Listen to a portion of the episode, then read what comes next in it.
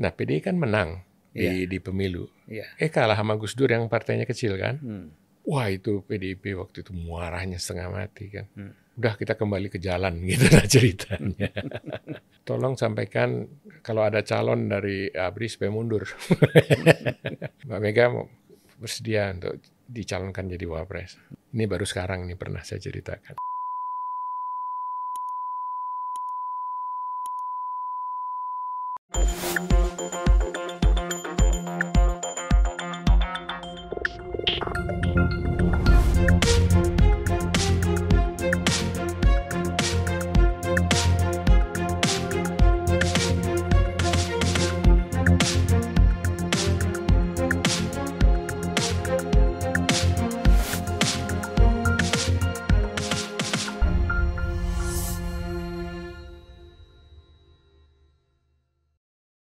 Selamat datang Bang Yakub Tobing. Terima kasih, selamat datang. Sudah Bung lama sekali. Lindan, ya. Sejak abad lalu ya. Dulu waktu tahun 99 eh, Aha. kita sering sekali. Bahkan waktu saya masih menjadi aktivis ya, kalau kita demo ke DPR itu tahun-tahun 78 terusnya Oh, ya, iya, itu selalu yang menerima kita itu kalau nggak Bang Yakub Tobing, Sarwono, ya, Iya, Bang Akbar, zaman- zaman terus itu ya. eh, Mas Siswono. Jadi memang apa luar biasa pada masa itu ya kesibukannya Iya. Bang Yakub itu. Nah supaya nih Bang anak-anak muda kita ya, Hmm. kemudian orang-orang yang belum pernah mengenal Bang Yakub secara dalam ya, saya ingin membacakan juga Oh ya, siapa sebenarnya silakan. Bang Yakub ini. Nah, dikenal sebagai Yakub Tobing, lah, lahir 13 Juli 43 ya Bang ya. Dengan nama Yakub Samuel Holomoan Lumban Tobing. Iya, lengkap. Lengkap ya. Hubungan dengan kan di Medan tuh ada tokoh Lumban Tobing juga Bang ya. Dokter Ferdinand yang eh, Menteri Penerangan dulu ada. Nah, itu hubungannya apa dengan Bang Yakub? Iya sesama itu Bing lah. Dalam bukunya itu kelihatan, cuman kelompok-kelompoknya itu mungkin sudah beberapa generasi di atas. gitu. Ya, Saya itu generasi ke-15 dari Tobing. loh. kan ke-15 ya. Iya. Luar biasa. Tapi masih sehat dalam usia 80 tahun ya. Terima kasih. tahun 2008 pernah menjadi in- Presiden Institut Leimena ya, Iya, tapi sudah enggak lagi. sudah nggak lagi. Kemudian Bang Yakub ini pernah menjadi anggota DPR ini 8 kali. Eh, iya, barangkali ya. Bahkan anggota termuda pada periode 6871 itu Iya, betul. pernah menjadi anggota DPR GR yang termuda. Iya, tahun 68. luar biasa bang. Baru kemudian ber, apa dari situ menjadi anggota DPR dari Golkar. Iya, sampai 68 sampai 97, 97. kemudian anggota DPR dari PDIP 1999 sampai 2004. Empat. Iya.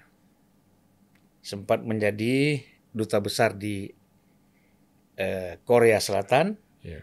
dan kalau saya baca Abang ini mempertemukan waktu itu ya Presiden Korea Selatan dengan Korea Utara. Iya. Nah, jadi itu luar biasa. Kalau saya bacakan semua panjang sekali. Iya. Yang jelas eh,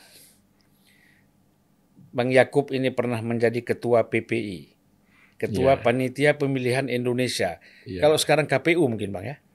Iya, karena waktu itu KPU dan PPI itu ada terpisah. Pelaksana pemilu adalah PPI. PPI ya. Sebagai ketua ya pada tahun Iya. 99. Nah, yang terakhir ini yang paling penting dalam usia Bang Yakub ini dalam usia 80 tahun dan usia 80 tahun ini mendapatkan satu hadiah yang luar biasa yaitu menyelesaikan program doktoral sebagai kandidat eksternal VSD di Van Vollenhoven Institute, Leiden Law School Iya. ya di Leiden University. Ini kalau nggak salah saya ini kan baru sebulan yang lalu apa dua bulan yang lalu abang di apa menyelesaikan Ah, ini ya. Iya, bulan Juni tanggal 28 ya, satu bulan yang lalu lah. Ya, satu persis satu bulan yang lalu. Saya kira memang perlu menjadi satu contoh ya bahwa menjadi polisi, politisi itu eh, tidak main-main. Ya. Jadi sangat pantas lah kenapa Ibu Mega ini pada tahun 99 bahkan sebelum 99 Sebelum sebelum ada PDIP langsung meminta mencomot lah kalau kita bilang gitu ya mencomot Bang Yakub dari Golkar untuk masuk ke PDIP. Saya kira kita nggak tahu apa yang dibicarakan tapi akhirnya kita lihat Bang Yakub menjadi anggota DPR RI dari PDIP daerah pemilihan Jawa Tengah. iya, Betul ya, Pak? Temanggung. Temanggung. Bayangkan aja, ini orang dulu jarang sekali itu ada orang Tapanuli calon di di apa di Jawa Tengah. Jawa Tengah Temanggung lagi ter- keluar, terpilih. keluar masuk desa di sana waktu Iya. itu untuk kampanye Jawa Tengah. Dan kalau pada masa Orde Baru kan siapa pun di tempat pun di mana pun itu pasti jadi bang. Tapi 99 Iya. begitu abang itu dicalonkan di Jawa Tengah dan bukan orang Jawa Tengah, Hmm. ya kan orang tahu kalau nama Tobing itu pasti wah ini orang Batak ini kan Sumatera Utara. Nah apa trik abang waktu itu ya? Kok abang bisa terpilih itu? Iya, satu tentunya memelihara kekompakan dalam timnya sendiri dari Iya. partai. Yang kedua itu memang turun langsung ke tengah masyarakat. Jadi berkenalan dengan tokoh-tokoh masyarakat setempat pada tingkat dusun, pada tingkat desa gitu ya. Ya cukup lama waktu itu. Masa kampanyenya, Iya. masa perkenalan. Iya. Ya. Dan karena saya jadi ketua eh, panitia pemilihan juga pada waktu itu, ya cukup dikenal gitu. Hmm. Malah eh, tukang-tukang becak itu mengenal saya Iya, di simpang jalan itu, anu negor. ya karena sebenarnya kalau mereka dulu dulu kan andalan kita TV ya. Iya, Kalau iya. mereka suka nonton TV pasti suka nonton Bang Bang, Ya- Bang Yakub ya. Pada waktu pemilu memang semua tertuju juga sih, sampai Iya. ke rakyat bawah itu rupanya ingin lihat juga. Iya. Ya dulu orang lebih melihat caleg itu dari segi kualitatif ya, Iya, iya. bukan hanya sekedar ditantumkan oleh partai. Dan tahun 99 itu kan tidak ada money politik. Mhm. Rakyat belum tahu yang namanya money politik Mhm. dan politisi juga jarang menggunakan Mhm. eh, politik uang pada masa itu ya. Jadi betul-betul eh, murni karena kita turun ke bawah komunikasi seperti Bang Yakub bilang maka mereka memilih figur yang sesuai dengan hati nurani mereka. Tapi Bang ngomong-ngomong menarik sekali mungkin ya Bang Yakub bisa menceritakan kok semangat sekali dalam usia 80 ini tetap menyelesaikan studi ya dengan desertasi yang juga tidak main-main dan katanya 12 tahun ya Abang menyelesaikan itu ya. Iya, dipotong anu lah, ada Covid, COVID, Covid ada tahun. profesor yang sakit dan macam-macam. Iya, iya. Tapi cukup lama. Dan saya dengar sudah ada profesor yang pensiun juga itu waktu menguji Abang itu. Iya, dan diaktifkan kembali untuk sampai bisa menyelesaikan tugasnya membimbing saya. Luar biasa. Mungkin Abang bisa cerita sedikit motivasi Abang untuk menulis disertasi dan menyelesaikan disertasi ini, Bang. Eh, iya, begini. Jadi waktu saya jadi anggota DPR GR tahun 68 itu, itu sebetulnya ada perjuangan batin juga. Karena saya ingin menyelesaikan studi di ITB. Mm-mm. Saya harus kerja untuk membiayai sekolah, tapi kemudian jadi juga jadi aktivis, kemudian jadi anggota DPR. Dan sebagai anggota DPR itu saya tidak bisa lagi melanjutkan studi di ITB. Itu menimbulkan semacam apalah Ah, keinginan, wah gimana gitu ya. Saya di satu pihak bangga atas eh, penugasan itu, tapi rasanya itu dipotong gitu dari suatu eh, mimpi saya untuk menjadi seorang insinyur arsitek begitu. iya. Tapi ya bagaimana lah sudah. Tapi itu terus mendorong saya. Kemudian saya sekolah lagi di, di sel- selama jadi anggota DPR, mencoba sekolah. Tapi ternyata saya tidak bisa kalau sekolah yang reguler karena hmm. absensi di sekolah dan di DPR itu saya harus mengutamakan yang di DPR kan. Iya. Nggak memenuhi syarat lagi. Akhirnya hmm. saya cari sekolah sore. Saya sekolah sore di Sekolah Tinggi Ilmu Administrasi Negara di LAN. Nah, itu ya. memang sore itu untuk yeah. para pegawai dan lain sebagainya. Jadi masih bisa cocok. Saya menyelesaikan S1 saya di sana. Nah, kemudian rasa ingin sekolah itu memang terus menganu saya. Hmm. Sementara saya kan jadi ketua komisi industri dan pertambangan selama berapa lama itu di. Yeah. Saya juga menjadi ketua komisi uh, panitia penyusunan Repilita 2 hmm. tahun 71 tahun berapa tuh dulu dari pemerintah itu Bapak Sri Sultan Hamengkubuwono IX dari DPR itu saya. Hmm. Sama-sama bekerja sama merancang uh, Repilita 2 kalau rancangan teknisnya itu kan para ahli ya, tapi ini yeah. menyesuaikan secara politik. Nah, kemudian juga saya uh, mencoba sekolah di Harvard. Saya diterima di sana, mm uh, tapi saya bilang, wah ini gimana ya kalau saya nanti ke sana berarti saya sewaktu itu saya anggota DPR. Yeah. Tapi saya minta izin dari pimpinan dan pimpinan ya syukur sekali mereka mengizinkan dengan syarat harus langsung pulang kalau sudah selesai. Padahal oh, tapi anggota DPR tetap ya? Tetap. Ah. Padahal saya tentunya ingin terus sampai juga ke PhD waktu itu. Iya. Nah, tapi ya sudahlah, begitulah kejadiannya saya pulang. Tapi itu juga membawa semacam ke eh, apa hal yang menguntungkan ya karena ternyata teman-teman kelas saya itu banyak juga petinggi dari berbagai negara termasuk yang juga Pak Lee Hsien Loong hmm. yang kemudian jadi perdana menteri uh, Singapura yeah. teman saya dan selama di sana juga membangun koneksi dengan orang-orang tertentu dan ternyata salah satu adik kelas saya itu adalah uh, Ban Ki-moon oh. yang kemudian menjadi Menteri Luar Negeri Korea, Korea Selatan, Selatan pada waktu saya itu. pada waktu saya jadi duta besar di sana. Oh, dia Menteri Luar Negerinya? Menteri Luar Negeri oh. di sana. Sehingga hubungannya menjadi sangat dekat dan itu juga barangkali ya yang menyebabkan adanya Eh, komunikasi dan kemudian keterhubungan dalam mem merancang pertemuan pimpinan Korea Selatan dengan pimpinan Korea, Korea Utara. itu eh, belakangan waktu beliau tuh jadi eh, sekjen PBB, sekjen. memang saya diundang oleh beliau untuk ya ramah tamah lah begitu hmm. ya. Tapi memang tadi disinggung urusan apa itu Korea Utara Korea Selatan. Iya waktu itu uh, peringatan 50 tahun uh, konferensi Asia Afrika ya. Iya. Di Bandung kan. Ya. Jadi dari Korea Selatan itu akan hadir ke sana perdana menterinya di Bandung. Hmm. Lee Haitian namanya. Dari Korea Utara akan hadir Kim Yong Nam apa siapa namanya itu. Jadi itu ketua semacam MPR lah. Hmm. MPR-nya Korea Utara juga akan hadir. Nah waktu itulah Presiden Korea Selatan eh, minta bantuan saya. Bisa nggak tolong dipertemukan untuk merancang pertemuan Korea Utara dan Korea Selatan? Karena hmm. waktu itu masalah nuklir lagi, wah hangat-hangatnya bukan main lah percobaan yeah. bom atom segala macam di Korea Utara. Uh, akhirnya ya saya ketemu sama uh, Kim Yong Nam ini.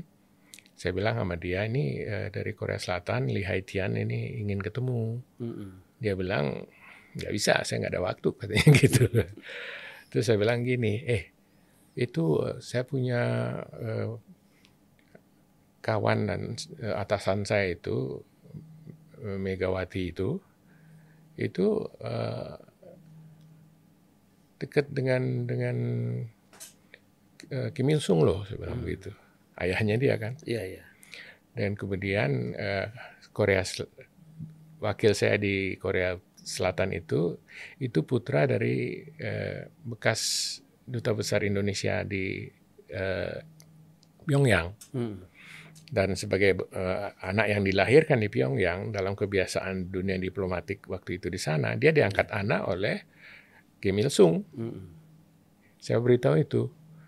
Jadi uh, Kim Yong Namnya jadi wah, iyalah kalau gitu ketemu, tapi 10 menit ya gitu. Nah, mereka akhirnya saya ketemukan di satu anu eh, warung kopi lah di Jakarta Convention Center itu di lantai bawah. Hmm. Ketemu di sana. Ah, saya biarin aja mereka ketemu saya keluar mau berantem mau berantem ternyata mereka ketawa-ketawa segala macam Mhm. saya datangin oh sudah selesai gitu Hmm. si utaranya bilang ke saya udah selesai Iya. pokoknya kita setujulah Eh, nanti yang jelasin Lee Haitian perdana menteri Korea Selatan. Terus saya dijelasin oleh Lee Haitian ini ya. Nah, terus kemudian saya kembali ke Seoul, saya bicara sama Presiden Korea Selatan, No Mo-hyun namanya, bahwa eh, nanti bisa dirancang begitu. Dia bilang oke, di, ya, tapi bagaimana kalau itu pertemuannya di Pyongyang gitu? Saya bertanya karena seharusnya itu kalau pertemuan sebelumnya di Pyongyang, yang sekarang harusnya di Seoul. Mm-mm. Dia bilang nggak apa-apa, udah jalan darat tuh pak. Padahal tuh daerah, wah daerah pokoknya militerisasi zone itu yang banyak macam-macam lah ya. Akhirnya itu terjadi pertemuan itu dan kemudian langsung reda ya program nuklirnya dihentikan, kemudian Korea Selatan memberi bantuan macam-macam. Belakangan kemudian saya diberi tanda penghargaan dari pemerintah Korea Selatan. Itu yang ter- Iya. terjadi waktu Jadi itu. kalau kita lihat Pak ya, begitu kerasnya konflik perbedaan antara Korea Selatan dan Korea Utara, bahkan sampai sekarang ya Bang ya. Hmm. Tapi pada masa itu kan Bang Yakub dengan ya kita mungkin kita istilahkan dengan diplomasi ya, itu toh bisa menciptakan suasana cair sehingga komunikasi itu eh, bisa terjadi. kan. Iya, memang itu kuncinya Ya. komunikasi. mungkin selama ini ini tidak ada lagi yang membuka komunikasi itu bang sehingga Iya, memang Indonesia sebetulnya punya posisi yang sangat eh, bisa menguntungkan penciptaan perdamaian itu. Karena hubungan kita yang pada masa Bung Karno dulu dengan Ko- Korea Utara ya itu merupakan anu eh, semacam modal lah ya untuk Hmm. apa. Dan mereka juga tahu kita tidak punya kepentingan-kepentingan politik jangka pendek. Dengan Iya. Kita inginnya semacam perdamaian dunia begitu. jadi saya terakhir ke sana 2017 bang Ke, ke Korea, Selatan Oh, eh ke Korea Utara Utara. saya masuk ke museum mereka Hmm. dan di situ kan banyak apa kan bekas-bekas presiden mereka semuanya kan itu di Ada ininya. ada di situ kan disimpan di di dalam kayak museum itu. muminya gitu. muminya itu dan di situ pertama yang kita temukan kalau masuk ke situ adalah foto Bung Karno foto Bung Karno kemudian eh, ada namanya perangku Bung Karno ya yang Hmm. setiap tahun itu mereka rayakan katanya sampai sekarang ini Hmm. jadi memang in- bunga eh, anggrek. Hmm. ah, bunga anggrek juga yang waktu King Jong Il ya Ya. ke sini. Nah, jadi kalau kita lihat sebenarnya Indonesia ini luar biasa kan, Bang. Perannya ya di dalam mencoba eh, mempertemukan atau me- melakukan dialog di antara tokoh-tokoh dunia ini ya. Nah, Hmm. mungkin Bang Yakub ini nggak belum boleh berhenti nampaknya, Bang. Enggak lah.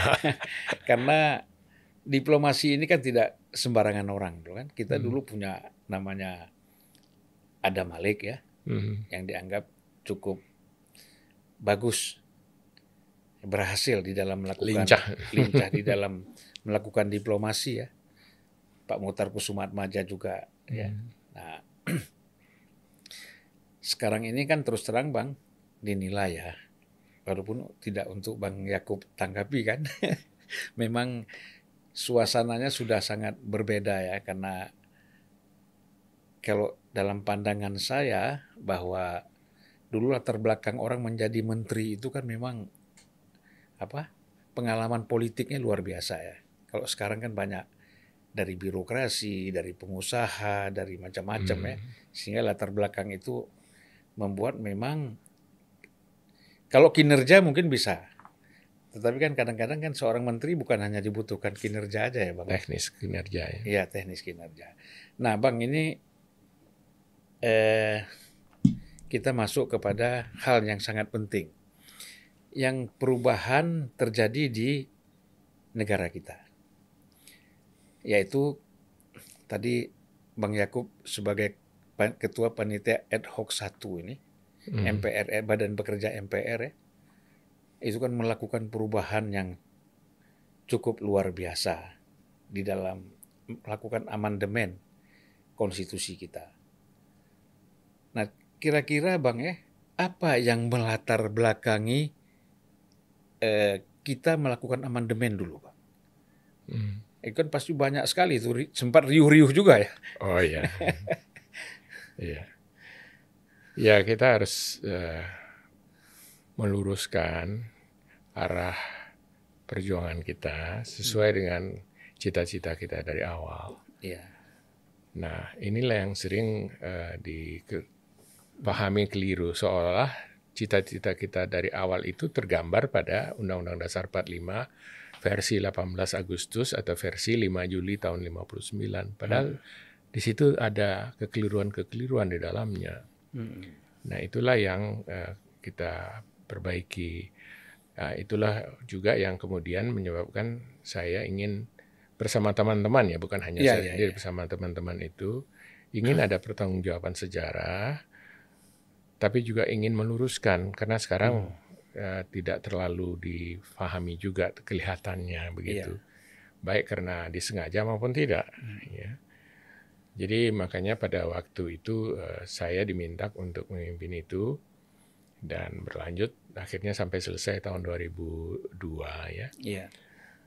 Kita harus ingat bahwa pada tanggal 18 Agustus 45 ini -hmm. presiden kita yang pertama yang waktu itu belum dilantik sebagai presiden ya. -hmm ya, itu mem, mengemukakan keputusan BPU PKI uh, eh, atau PPKI lah saya sebut yeah. PPKI karena sudah beralih bahwa undang-undang dasar ini batang tubuhnya harus diperbaiki sesegera mungkin. Yeah. Kalau pembukaannya tidak perlu lagi karena sudah sempat diperbaiki, disempurnakan kembali oleh PPKI pada tanggal 18 Agustus pagi. Hmm. Ceritanya begini, pada waktu uh, rancangan ini dibuat oleh BPUPK sebelumnya ya, yeah. Itu kan sebenarnya Bung Karno, Bung Hatta dan kawan-kawan panitia 9 ini sudah membuat pembukaan, mm. namanya Piagam Jakarta. Yeah. Tapi oleh uh, panitianya Pak uh, Rajiman CS dengan dipimpin oleh Pak Supomo itu dirombak itu pembukaan. Mm -mm. Jadi di, dihilangkan bagian-bagian tertentu lah saya singkatnya begitu. Yeah.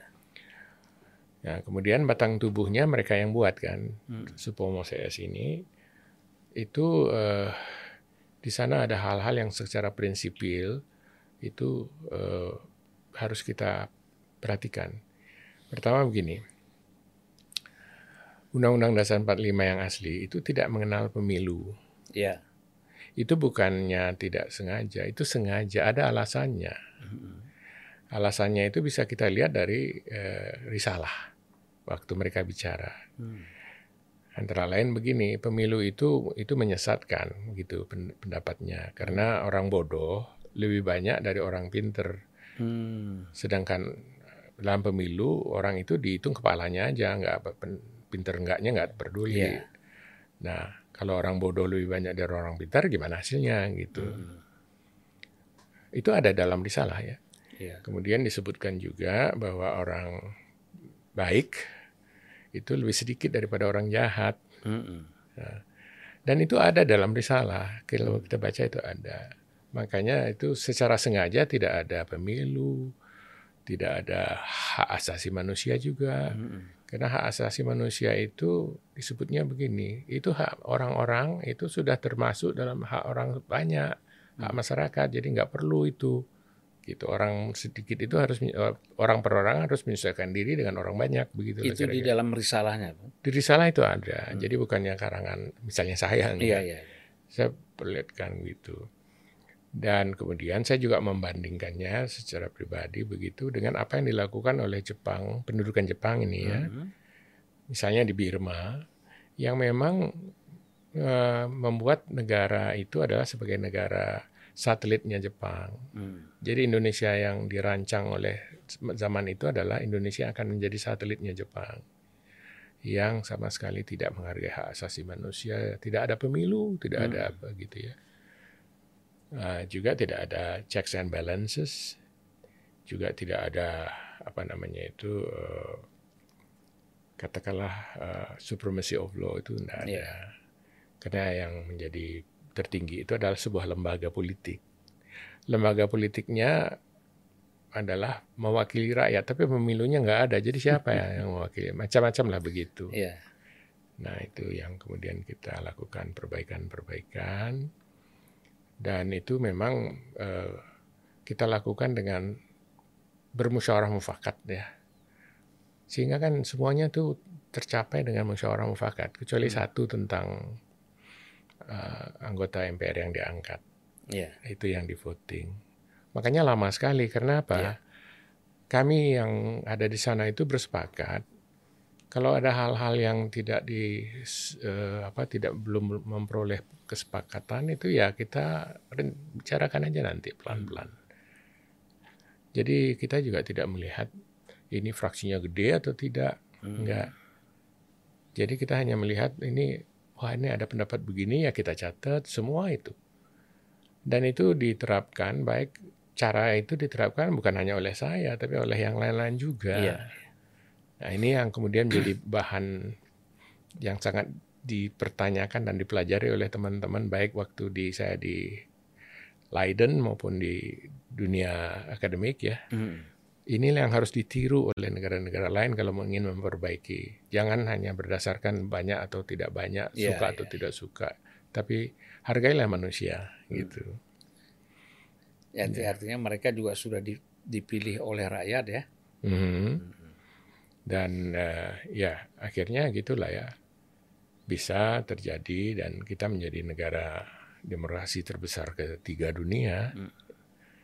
Tadinya kan kita negara non demokrasi terbesar kedua dunia.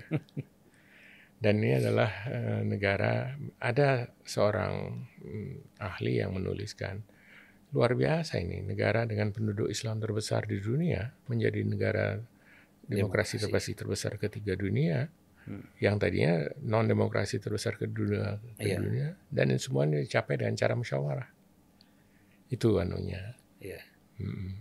Jadi saya masih ingat juga bang ya pasti kan ada kendala-kendala teknis dan politis ketika proses ini berjalan ya proses amandemen ini berjalan. Seingat saya itu sempat ada interupsi ya kita nggak bilang protes lah ya interupsi dari praksi abri kan waktu itu hmm. bahwa tentang rencana amandemen ini. Hmm. Nah, kalau kira-kira tentang apanya itu Bang TNI waktu itu praksi TNI. Dulu masih praksi ABRI ya Bang ya? Iya. Gini, eh, tentunya begini kita harus melihat tentara kita adalah tentara pejuang.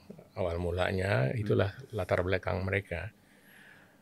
Mereka mewarisi eh, aspirasi dan tugas untuk meneruskan jiwa revolusi Indonesia itu. Hmm. Jadi mereka bukan tentara bayaran ya. Yeah.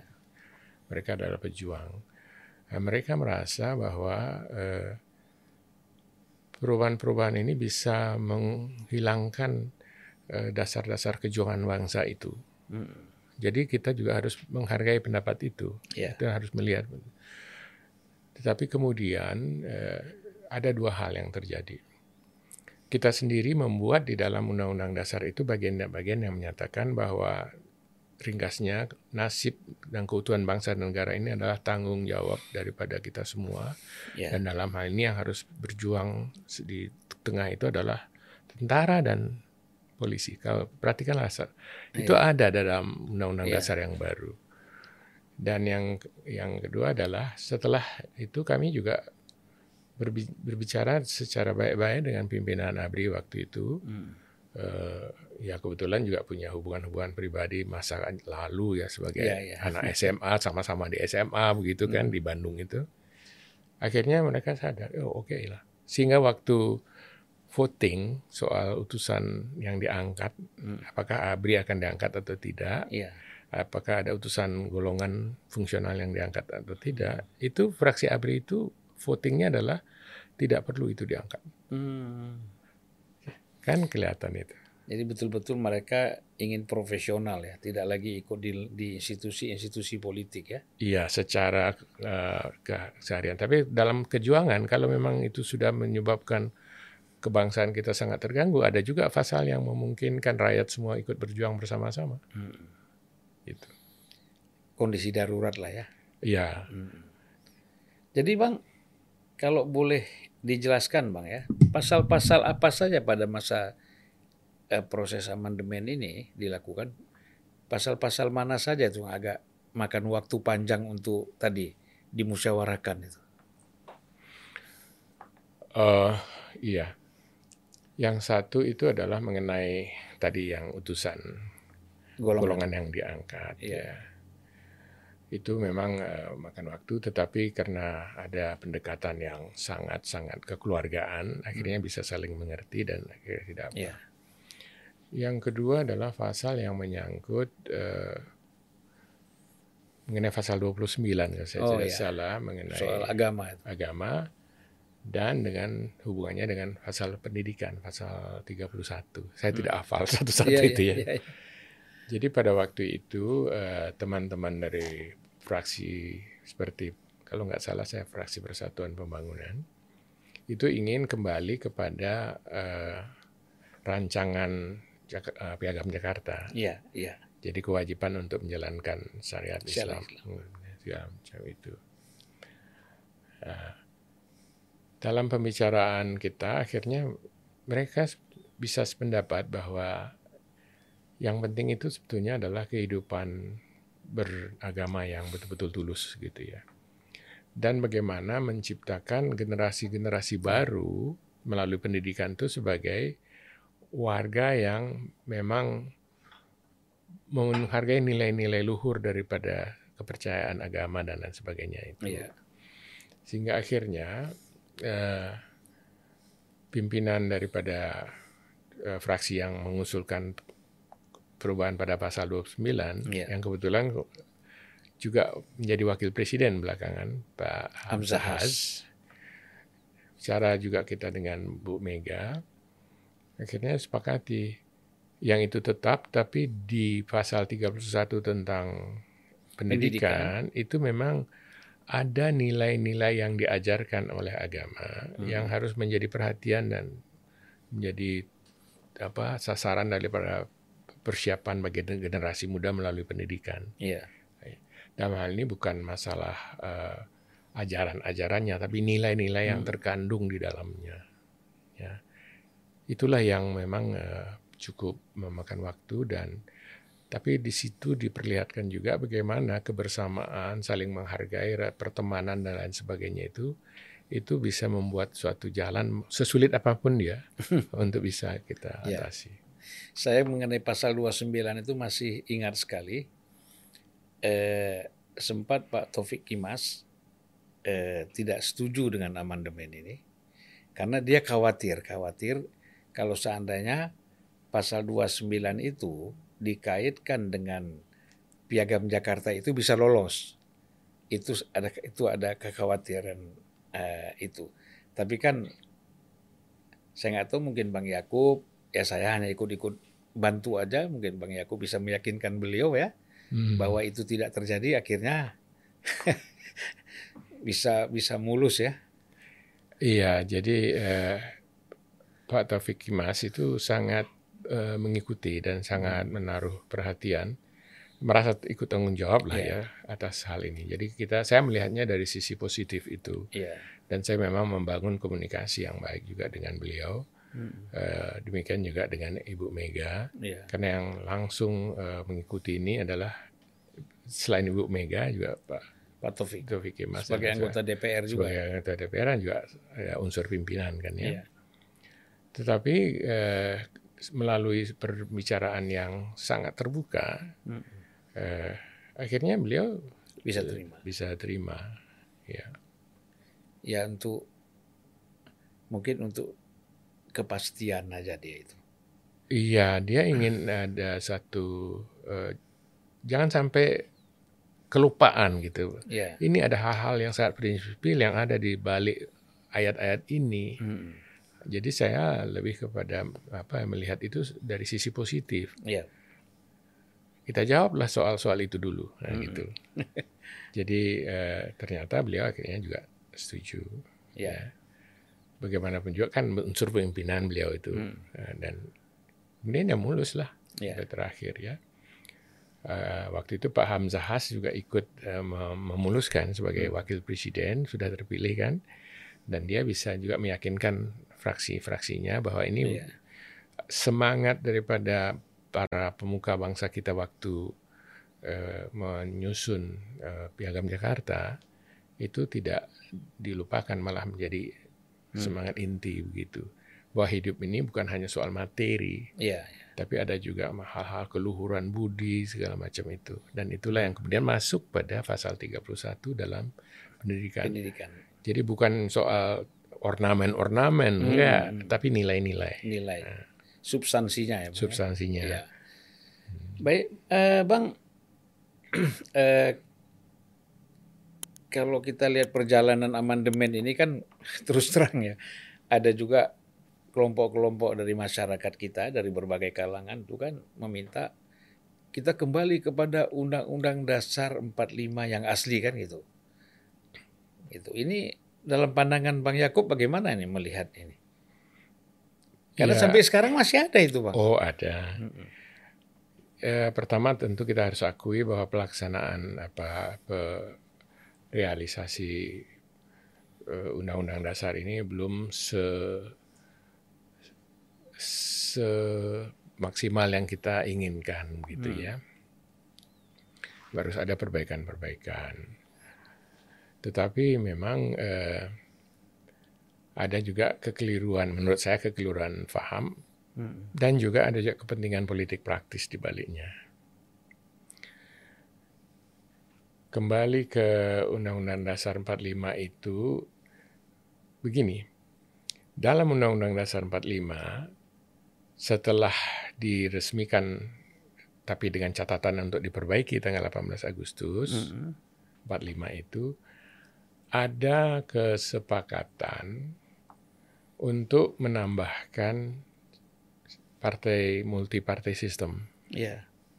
maklumat eh, 3 November tahun 45 itu itu eh, bukan bukan ketentuan undang-undang dasar tapi ditempelkan sistem multipartai padahal Iya. undang-undang dasar 45 yang asli itu Mm. sistemnya sistem satu partai dan tanggal 20 Agustus sempat mau diresmikan adanya satu partai itu 20 Agustus tahun 45 Mm. tapi Bung Karno kemudian tidak mau. Saya dapat keterangan ini langsung dari Pak Sayuti Melik yang waktu itu mendampingi beliau. Dan kemudian ada juga yang mengatakan bahwa eh, ini adalah sistem di mana ada satu partai dominan Mm. untuk menggantikan partai tunggal. Iya. Ya, itu juga sebetulnya tidak berdasar. Kita harus membuat eh, sistem banyak partai juga. Gitu. Tetapi Undang-Undang Dasar 45 yang semula memang tidak mengenal multi-partai sistem. Pa- Sistemnya partainya hanya ada satu. Iya. Yang terang sekali kan kelihatan di Undang-Undang Dasar 45 yang semula, yang asli itu, itu masa jabatan presiden itu tidak ada batasnya. Mm. tidak ada batasnya. Nah kalau Iya, itu iya. digabung, masa jabatan presiden tidak ada batasnya, partainya cuma satu, MPR itu berkuasa penuh, partai itu menguasai MPR, sementara MPR itu partai itu yang menjadi eh, partai tunggal itu itu ketuanya adalah presiden itu. Jadi akhirnya ini sistem diktator sebetulnya, Mm. sistem otoriter. Iya.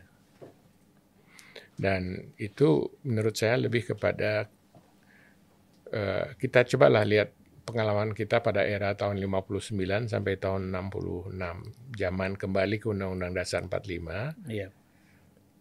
Itu selama masa itu kan tidak ada pemilu. Hmm. Nah, tadi Abang udah eh, menjelaskan bahwa dalam konteks konsti- konstitusi kita yang lama kan tidak ada pembatasan presiden ya. Sekarang kita sudah membatasi dua periode saja gitulah. Hmm. Nah, ini kan sempat juga ada wacana bisa nggak Tiga kali. tiga kali gitu. Ini jalannya itu pintu masuknya dari mana bang untuk tiga kali? Hmm, ya, kalau dalam undang-undang dasar yang berlaku tidak ada jalannya itu. Hmm. Nggak ada ya. Tidak ada jalan. Kecuali amandemen lagi. Iya. Tapi kan masalahnya kaitannya amandemen dengan MPR nih bagaimana? Itu memang eh, apa kewenangan MPR Iya. melalui suatu proses tertentu. Iya. Diikutilah proses itu. Hmm. Tetapi kalau misalnya kepentingan-kepentingan satu periode menjadi kepentingan jangka panjang bagi bangsa ini kan itu bisa merugikan. Sebab lain kali ada seorang yang tidak becus yang jadi presiden ingin tidak dibatasi masa jabatannya Iya. bagaimana? 10 tahun itu cukup lah. Iya cukup. Artinya kalau memang eh, semua dikerjakan dengan Iya, Apa? baik. Eh, dengan fokus ya bang ya. Iya. Dan soal apakah eh, ada perlu GBH atau tidak, sebetulnya Undang-Undang Dasar itu sudah menunjukkan jalannya Iya. ke mana. Dan lebih teknis dari itu, itu bisa dibuat dalam bentuk eh, rencana pembangunan jangka panjang.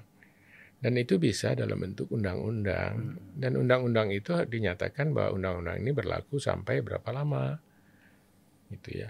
Hmm. Kalau kita takut eh, bahwa itu undang-undang itu nanti di dirubah lagi sebelum sebelum masanya, Hmm. itu kan menunjukkan konstelasi politik yang kurang sehat barangkali. Iya. Ya. Ini berkaitan dengan stabilitas ya. Iya. Bang, eh, kira-kira setelah amandemen ini, ya, Hmm. tentu kan eh, Bang Yakub sendiri juga melang- me- belum belum menganggap bahwa ini sudah sempurna sekali kan gitu, Bang.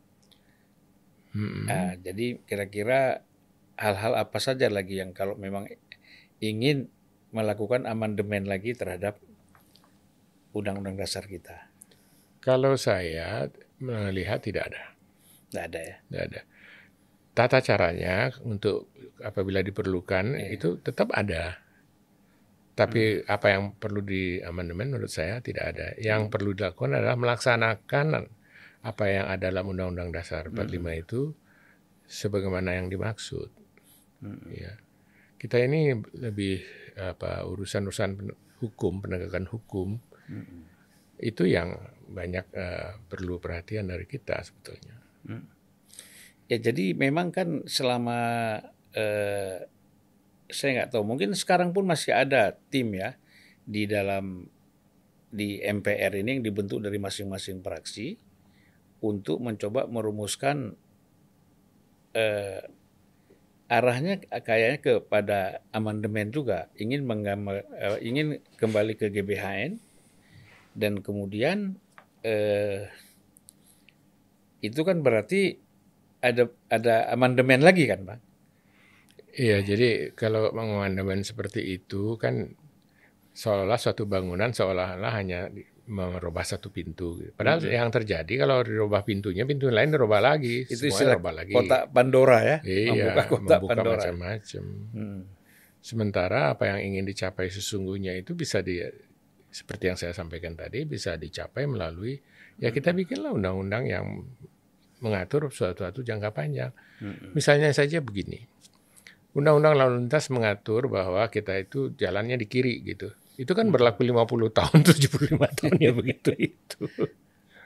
Presiden ya harus kiri juga kan gitu. Kayak begitu. Nggak usah terlalu dibikin kalau politisnya tidak tidak sesuai ya GBH juga bisa di- dilakukan perubahan juga oleh setiap waktu oleh orang-orang. Iya. Kalau memang politisnya nggak sesuai Iya. gitu. Ya nggak nggak nggak ada alasan sebetulnya. Dengan program sekarang apa program jangka pendek, menengah dan jangka panjang itu juga sebenarnya sudah nggak ada masalah Nah, ya. Karena arahan yang jangkanya sangat panjang itu sudah ada di Undang-Undang Dasar. Undang-Undang Dasar itu memberi suatu uh, horizon di depan, ya. Dan horizon itu katakanlah mengenai adil dan makmur, ya. Hmm. Tapi kita harus melihat juga horizon itu sebagai sesuatu yang sifatnya kalau kita dekati, horizon itu juga menjauh. Hmm. Karena pemahaman kita tentang adil dan makmur itu juga berkembang terus, gitu. Iya. Jadi nggak juga bisa dibatasi Iya. begini saja, enggak. Nah, itu bisa dalam program pembangunan jangka panjang bisa dilaksanakan. Sementara Undang-Undang Dasar sendiri sudah mengatakan kita itu memang ingin masyarakat adil makmur, sejahtera gitu kan. Hmm.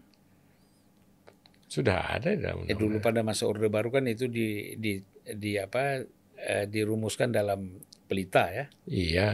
Nah, sebenarnya sama saja ya. Iya.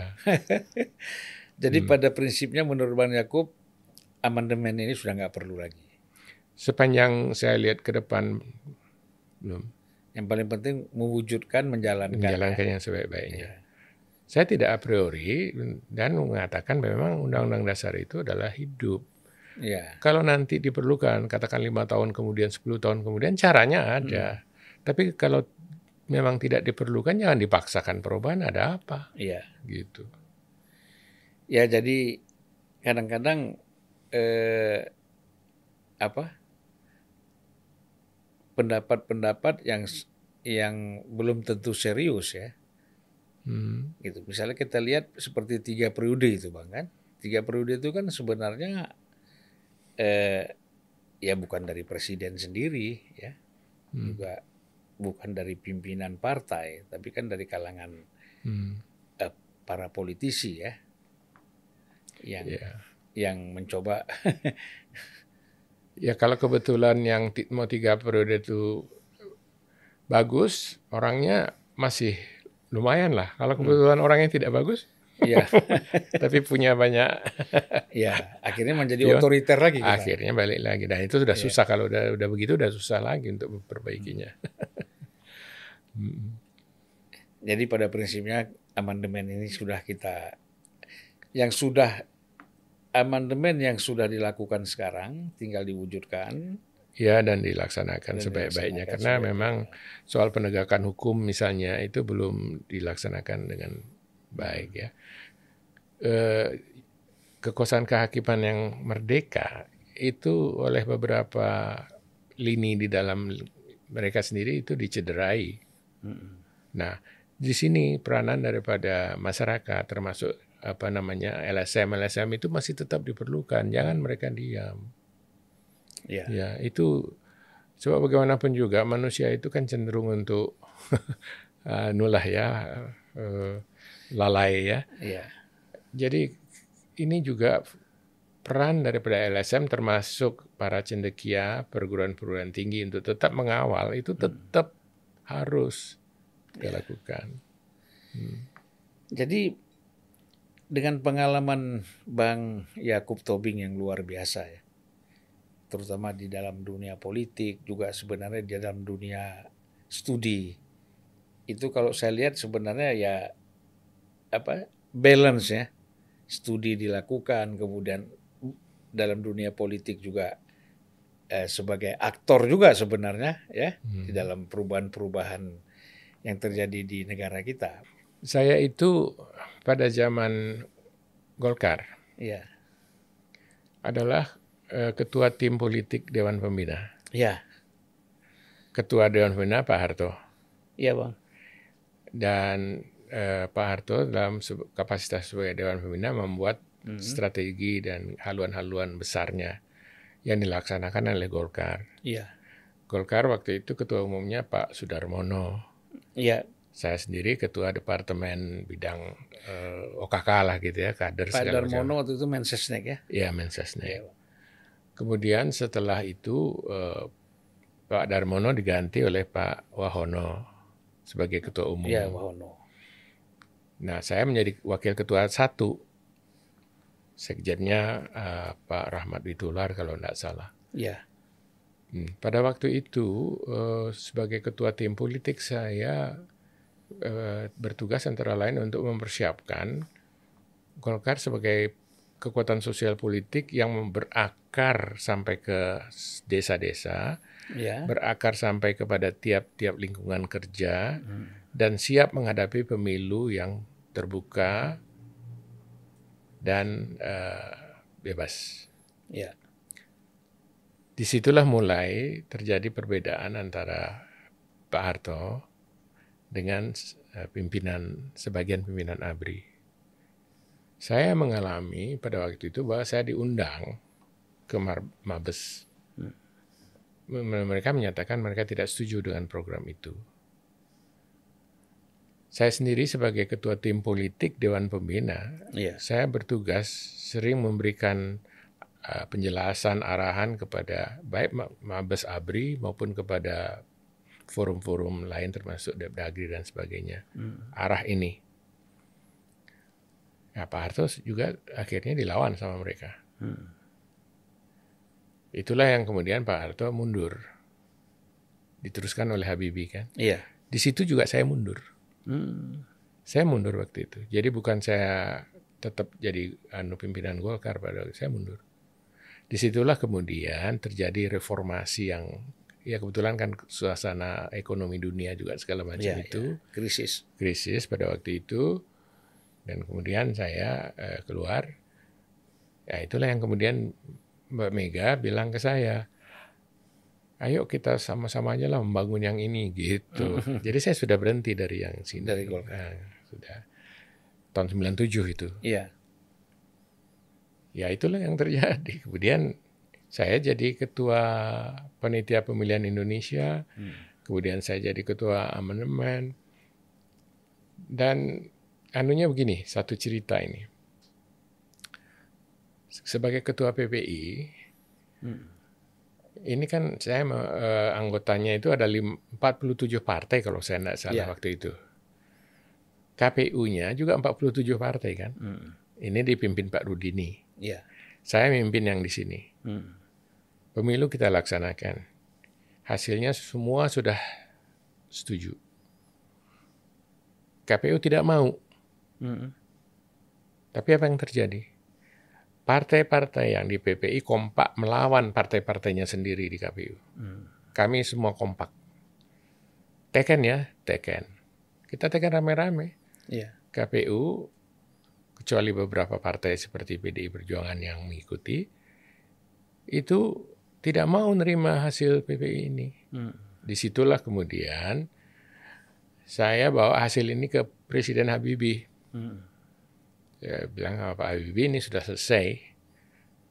Silakan Bapak putuskan karena menurut undang-undang penanggung jawab akhir adalah Presiden. Ah, Pak Habibie ya tidak begitu saja terima. Oke, tapi saya cek dulu ke Badan Pengawas. Iya. Diceklah oleh beliau ke Badan Pengawas.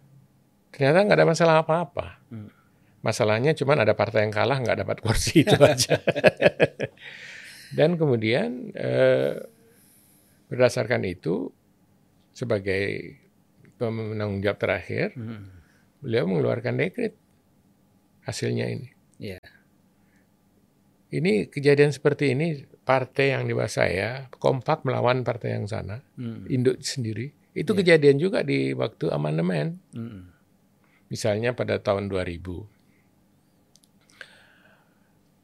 Kem- eh, di tempat saya ini yang eh, melakukan amandemen ini PAH satu ya waktu Iya. itu sepakat bahwa ke, ke negara hukum harus ditegakkan. Hmm. Untuk itu undang-undang dasar harus menjadi eh, ukuran itu yang menjadi pengukur bukan lembaga bukan politik Iya. ini.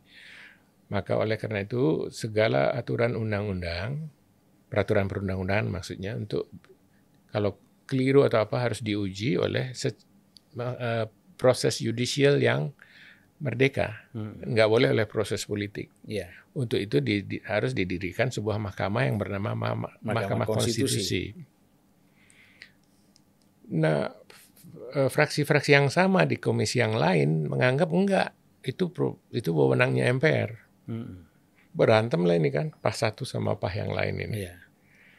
Terus kemudian MPR, pimpinan MPR dan pimpinan fraksi malah setuju kepada pendapat yang itu. Iya. Dikeluarkanlah TAP 3 tahun 2000 yang mengatakan wewenang melakukan uji konstitusi itu adalah wewenang MPR sebagai lembaga tertinggi. Hmm. Tapi yang paling terjadi, pas satu di tempat saya ini kompak tetap melawan itu. Dan akhirnya pada tahap berikutnya, kita bisa meyakinkan akhirnya pimpinan fraksi dan pimpinan partai politik dan pimpinan MPR harus tunduk. Jadilah apa, Panitia ad hoc ini. yang satu. Iya. Jadi coba kompak sekali kita selalu hmm. menghadapi partai sendiri kalau perlu. Dan itu sebenarnya anggota parlemen itu harus seperti itu ya. Harus punya hati nurani hati juga, nurani, ya. harus punya juga ke ya ke wawasan yang lebih luas lah. Ya. Ya. Jadi tidak sekarang kan kita lihat ada orang mengatakan tunduk, taat dan patuh kepada part, pimpinan partai. Nah ini kan berarti anggota DPR-nya sudah tidak independen lagi, bang. Iya kalau garis perjuangan ya, itu masalahnya kemudian adalah bagaimana mengartikannya. Jadi ya. harus terbuka memang untuk hmm. ada dialog di internal sendiri. Iya. Ya kebetulan saya sudah membuktikannya dua kali ya pada waktu pemilihan umum dan pada waktu panitia ad hoc. panitia ad hoc. Saya juga mengalami hal yang hampir serupa pada waktu pemilihan presiden Gus Dur. Iya waktu itu saya capek habis memimpin pemilu. Hmm. Pemilihan presiden. Nah, PDI kan menang. Di iya. di pemilu. Yeah. Eh kalah sama Gus Dur yang partainya kecil kan. Hmm. Wah itu PDIP waktu itu muaranya setengah mati kan. Hmm. Udah kita kembali ke jalan gitu lah ceritanya. Tapi saya bilang Mbak Mbak Mega, Mbak Mega ini nggak zamannya lagi. Hmm. Jadi gimana? gitu. Ya kita usahakan kita jadi wakil presiden. Hmm. Mas Yakob bisa, bisa bilang gitu. Kumpullah semua pimpinan partai. Ini program ini yang pimpin Pak Yakob, gitu hmm. Bu Mega.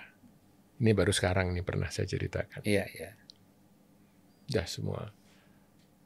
Malam itu juga semua berkas untuk pencalonan wakil presiden diketik di kamar saya. Hmm. Saya kan punya hubungan baik dengan Gus Dur. Iya. Waktu dalam uh, program-program waktu zaman Pak Harto itu kan kita membangun macam-macam kerjasama lah. Iya. Terus kita kirim pesan sama Gus Dur. Dia kan udah jadi presiden, udah iya. jadi panglima tertinggi kan. Iya. Tolong sampaikan kalau ada calon dari ABRI supaya mundur. Kenapa? Mbak Mega bersedia untuk dicalonkan jadi wapres. Hmm. Oh ya ya, oke. Terpilihlah Mega. Iya. Terpilih Mbak Mega jadi wapres. Dua tahun kemudian, Gus Dur kan ada masalah Brunei Gate segala macam, yeah, Bulog yeah. Gate itu out dia dari presiden. presiden. Jadilah Mbak Mega presiden. Iya. jadi presiden kelima. Hmm. Belakangan ada lagi usaha untuk menjatuhkan dia. Oh. Tapi amandemen sudah tidak memungkinkan lagi. Ya. Itu bukan lagi kewenangan MPR. Jadi memang luar biasa ya. Artinya eh, menjadi tidak mudah bagi MPR itu atau DPR atau partai politik menggoyang-goyang posisi presiden. Kalau sudah dipilih rakyat ya. Iya. Kecuali, nah ini ada kecuali. Kalau DPR dalam melaksanakan tugasnya menemukan eh, pelanggaran-pelanggaran kelalaian-kelalaian dilakukan oleh presiden, itu DPR itu bisa mengusulkan pemerintahan presiden. Hmm. Tapi bukan mendadak karena nggak suka, tapi yeah. karena adanya hasil penelitian, hasil yeah. apa. Dan itu disampaikan kepada MK. Yeah. Mahkamah Konstitusi harus membuat putusan, benar atau enggak. Berdasarkan itu MPR bisa juga memberhentikan presiden, iya. bukannya sama sekali tidak mungkin. Tetapi dasarnya harus objektif. Objektif. Harus temuan-temuan yang bisa dibuktikan bahwa ini presiden memang yeah. sudah salah. Dan yeah. bisa melalui MK, harus melalui MK juga iya, kan? Secara Kalau dulu hukum. kan langsung ya, Bang. Langsung aja dan semau-maunya aja. Jadi walaupun kalau kita lihat memang tidak mungkin ya, Bang tapi kan yang namanya suasana politik bisa saja mungkin hmm. seperti semangat untuk eh, melakukan amandemen. Pertama untuk perpanjangan masa jabatan presiden. Nah, karena situasi tertentu, itu kan, itu bagaimana menurut? Itu sudah politik praktis ya. Artinya kalau kalau itu akan ada hal-hal yang terjadi yang sifatnya tidak di dalam rangka konstitusi lagi. Hmm. Nah, jadi misalnya katakanlah terjadi kayak dulu itu demo di mana-mana begitu ya. Sehingga akhirnya ter ah kalau begitu kita lakukan amandemen gitu ya. Hmm. Nah, setelah amandemen terjadi hal itu bisa dimungkinkan, tapi itu kan teoritis. Iya. Itu proses yang tidak mungkin sebentar, kalaupun mau dilakukan seperti itu. Dan saya tidak percaya itu akan bisa dilakukan karena hati nurani rakyat itu akan terganggu. Hmm. Dan dalam hal ini, kalau misalnya eh, terasa terganggu itu LSM, para intelektual kita itu akan bunyi hati nuraninya. Ah, kalau udah begitu, Jadi kembali lagi melibatkan banyak pihak dan tidak terlalu mudah untuk melakukan hal-hal eh, kepentingan politik jangka pendek jangka itu pendek itu ya. bukan tidak terlalu mudah, memang tidak mudah. Bang Yakub, ini kan ya kita ini memasuki pemilu mungkin kita kan pemilu itu Februari ya. Nah, 264 ya. Iya. Kemudian ini sekarang Agustus, September, Oktober, November, Desember praktis lah enam bulan lagi lah pemilu. Hmm. Nah, pengamatan Bang Yakub ya, dalam kita menuju ke pemilu ini, suasana politik kita seperti apa sekarang ini? Menurut saya eh, dinamikanya eh, sudah cukup panah, hangat ya. Hmm. Ada potensi sedikit untuk untuk nggak benar gitu, tapi secara keseluruhan menurut saya masih baik. Ya. Ya, asal dijaga aja. Misalnya eh, calon-calon itu sudah saling bermanuver, itu bagus menurut saya. ya. Artinya eh, rakyat itu juga diberi eh, di hadapan mereka itu apa saja yang harus diperhatikan gitu ya. Hmm. Yang eh, perlu kita jaga adalah karena sekarang penggunaan eh, apa ini HP segala macam Media itu sosial. media sosial yang begitu luar biasa menjangkau ke termasuk Indonesia itu masyarakatnya yang paling banyak penggunaan yang seperti ini. Hmm. Tapi di lain pihak kemampuan untuk mencernakannya dengan baik itu masih Iya. persoalan. Ditambah lagi dengan ada pihak-pihak yang memang sengaja me- merancukan Ya, pemahaman-pemahaman. di berita-berita hoax ya. Iya hoax segala macam. Dan di sinilah pentingnya Anda punya uh, podcast Iya. seperti ini untuk memberi pengajaran kepada masyarakat. Kita ini kalau hanya bersandar kepada pendidikan formal memang sudah bagus. Kita sangat maju sesudah uh, reformasi amandemen itu sudah sangat maju. Tetapi pemahaman inti dan kemampuan untuk mencernakannya harus dibantu Hmm. termasuk oleh eh, apa-apa yang di- dilakukan oleh media sosial termasuk podcast seperti ini. Iya. Sebenarnya untuk Indonesia ke depan ini dibutuhkan tipologi pemimpin seperti apa, Bang?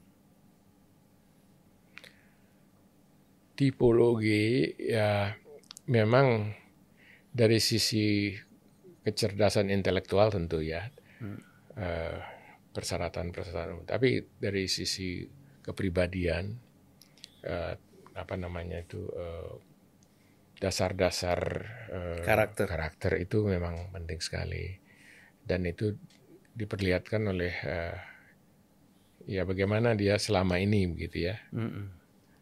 Eh, harus betul-betul menghargai kerja-kerja, harus menghargai waktu, harus menghargai mutu, dan dalam hal ini juga bisa mengemban tugas itu eh, dengan ya dengan sepenuh hati begitu gitulah ya.